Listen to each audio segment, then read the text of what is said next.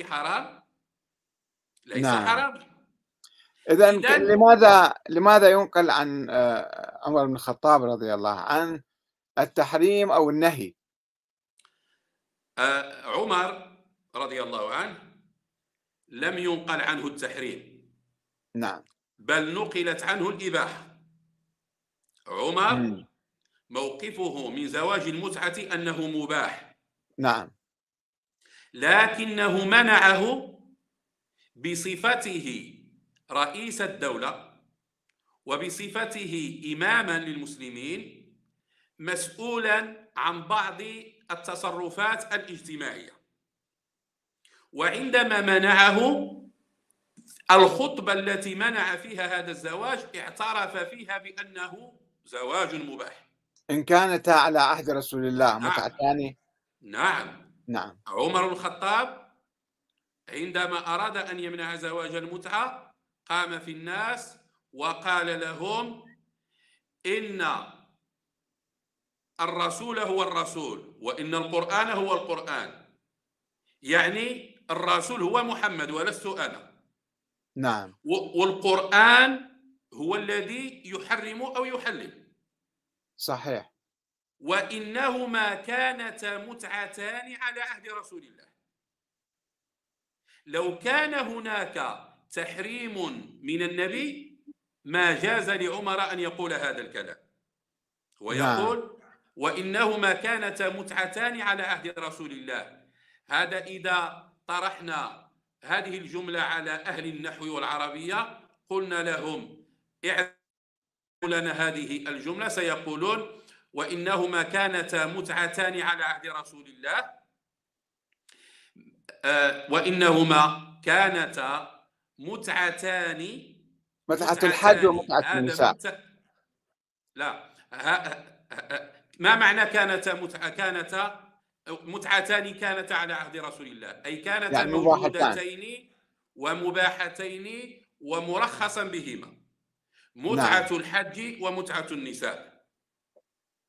والآن السنة يعملون بمتعة الحج يعني مباحة طيب متعة طيب طيب. وأنا أنهى عنهما وأعاقب عليهما.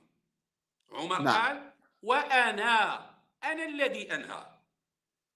وأعاقب.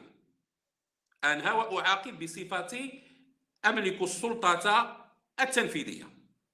نعم. طيب. عمر رضي الله عنه من حقه أن يجتهد لوقته وعصره وزمانه ولكن هل اجتهاده يلزمنا نحن أو يلزم الأمة بعده؟ أو يلزم الأئمة بعده؟ لا يلزمهم ولا يلزمنا. ذاك اجتهاده نحترمه عليه وفق ظروفه وأحواله. ولكن عمر عندما منع متعة النساء منع معها متعة الحج. نعم. هل متعة الحج منسوخة ومحرمة بدليل المنع العمري؟ يقول أهل السنة لا. عمر منع متعة الحج لكي يرغب الناس في زيارة البيت الحرام أكثر من مرة في أعمارهم. مم. آه. إذا ولماذا قلتم إن منعه لزواج المتعة؟ مبني على كونه يراه محرما. نعم. هو منع المتعتين في قرار واحد وفي خطبة واحدة. إذا كان قد منع متعة النساء لأنه يعتقد تحريمها بالتالي ينبغي أن يكون منعه لمتعة الحج مبنيا على اعتقاده تحريمها ونسخها. نعم. وإذا كان لا يعتقد نسخ وتحريم متعة الحج من أين لكم أنه يعتقد تحريم متعة النساء؟ البعض يفترض أنه هو عنده أحاديث لم تصل لنا عن النبي واستند عليها في التحريم. هذا كلام فيه كذب وفيه نعم افتراض يعني يفترضون. لماذا نفترض ونحن عندنا روايات صحيحة؟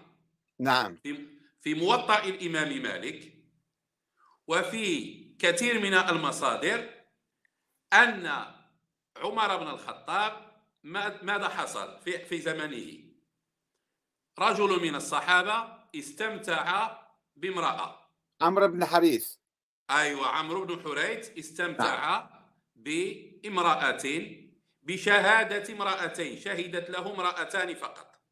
نعم. ثم هذه المرأة ظهر حملها. وهي لم تكن لم تكن ذات زوج. هي من سكان المدينة ولم تكن ذات زوج. نعم. بطبيعة الحال الناس عندما رأوها ظهر عليها الحمل اعتقدوا أنها زانية.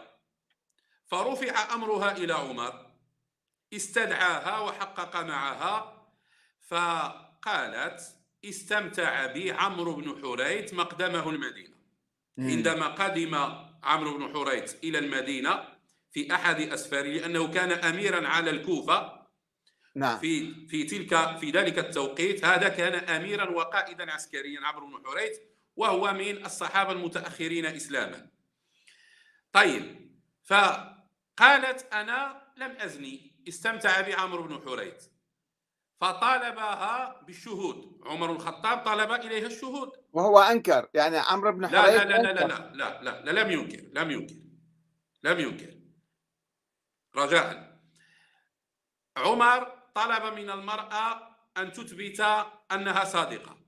قال لها من يشهد لك أنك تزوجت به زواج متعة نعم. قالت أم حكيم وهي صحابية فقيهة وفلانة. فاستدعاهما عمر وشهدتا بأنهما بالفعل يعلمان أن عمرو بن حريث استمتع بهذه المرأة وأن أم حكيم هي التي زوجته بهذه المرأة.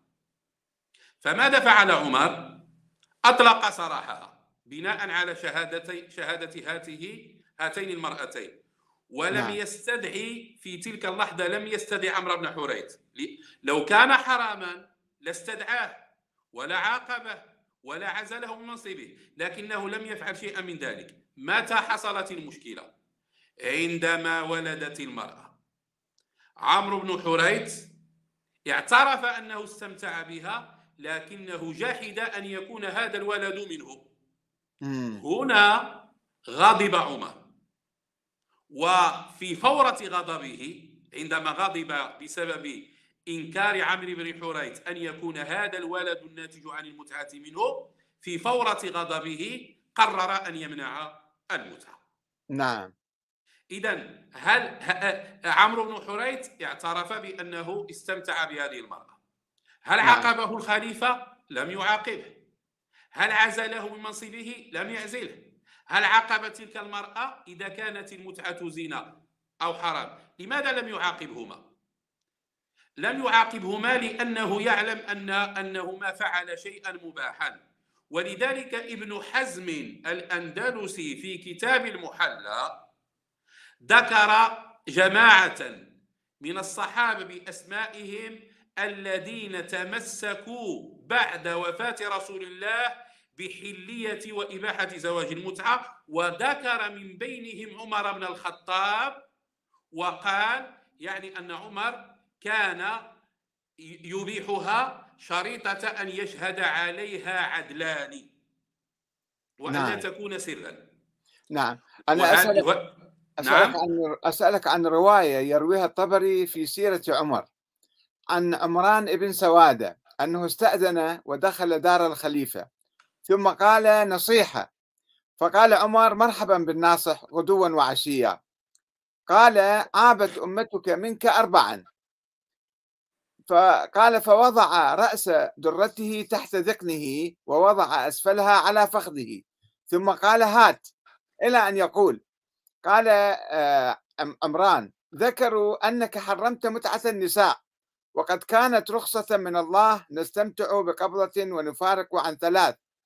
قال عمر إن رسول الله صلى الله عليه وآله أحلها في زمان ضرورة ثم رجع الناس إلى سعة ثم لم أعلم أحدا من المسلمين عمل بها ولا عاد إليها فالآن من شاء نكح بقبضة وفارق عن ثلاث بطلاق وقد أصب الطبري في الجزء الخامس صفحة 32 في باب شيء من سيرته مما لم يمضي ذكرها من حوادث سنة 23 ما رأيك بهذه الرواية؟ هذه الرواية ذكرها الطبري وذكرها أيضا العلامة المؤرخ عمر بن شبة هذا قبل الطبري في كتاب تاريخ المدينة. نعم. ولكنها رواية ضعيفة من جهة السند. هذه إسنادها ضعيف. نعم.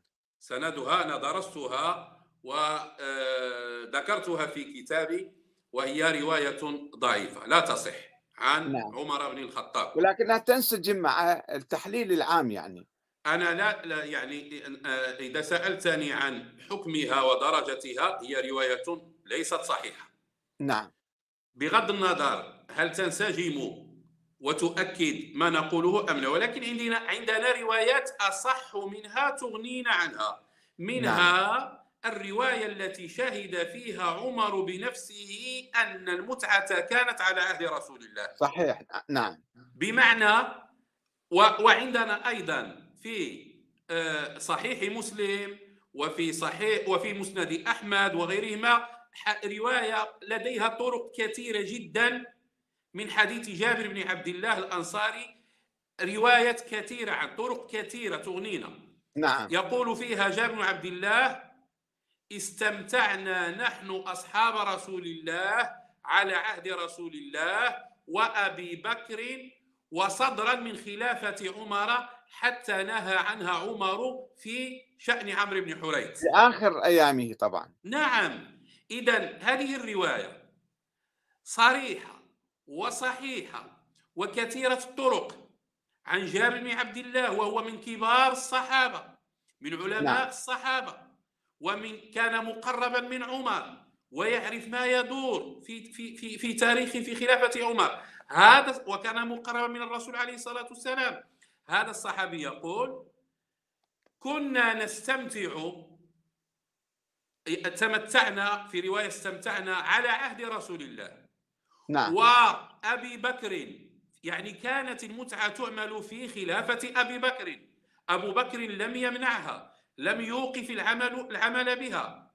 ولو كانت منسوخة أو محرمة ما فعلها جابر بن عبد الله وغيره من الصحابة بعد موت رسول الله عليه الصلاة والسلام. نعم.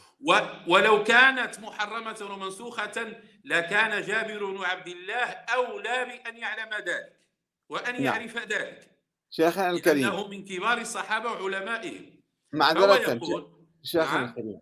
آه، عندنا أسئلة كثيرة والوقت راح ينتهي بس إذا تسمح لنا باختصار حتى آه، يعني بعض الأسئلة المهمة أيضا نطرحها عليك. هل هناك إجماع سني قديم أو حديث على التحريم؟ أنا سمعت أن الشيخ القرضاوي يقول لأحد الأشخاص في باريس بأنه المتعة حلال. وهو أيضا أنا قرأت له يقول أنها حتى لو افترضنا التحريم فهل التحريم هو مثل تحريم الأخت والبنت والأم أم هو تحريم مثل آه، الميتة ولحم الخنزير؟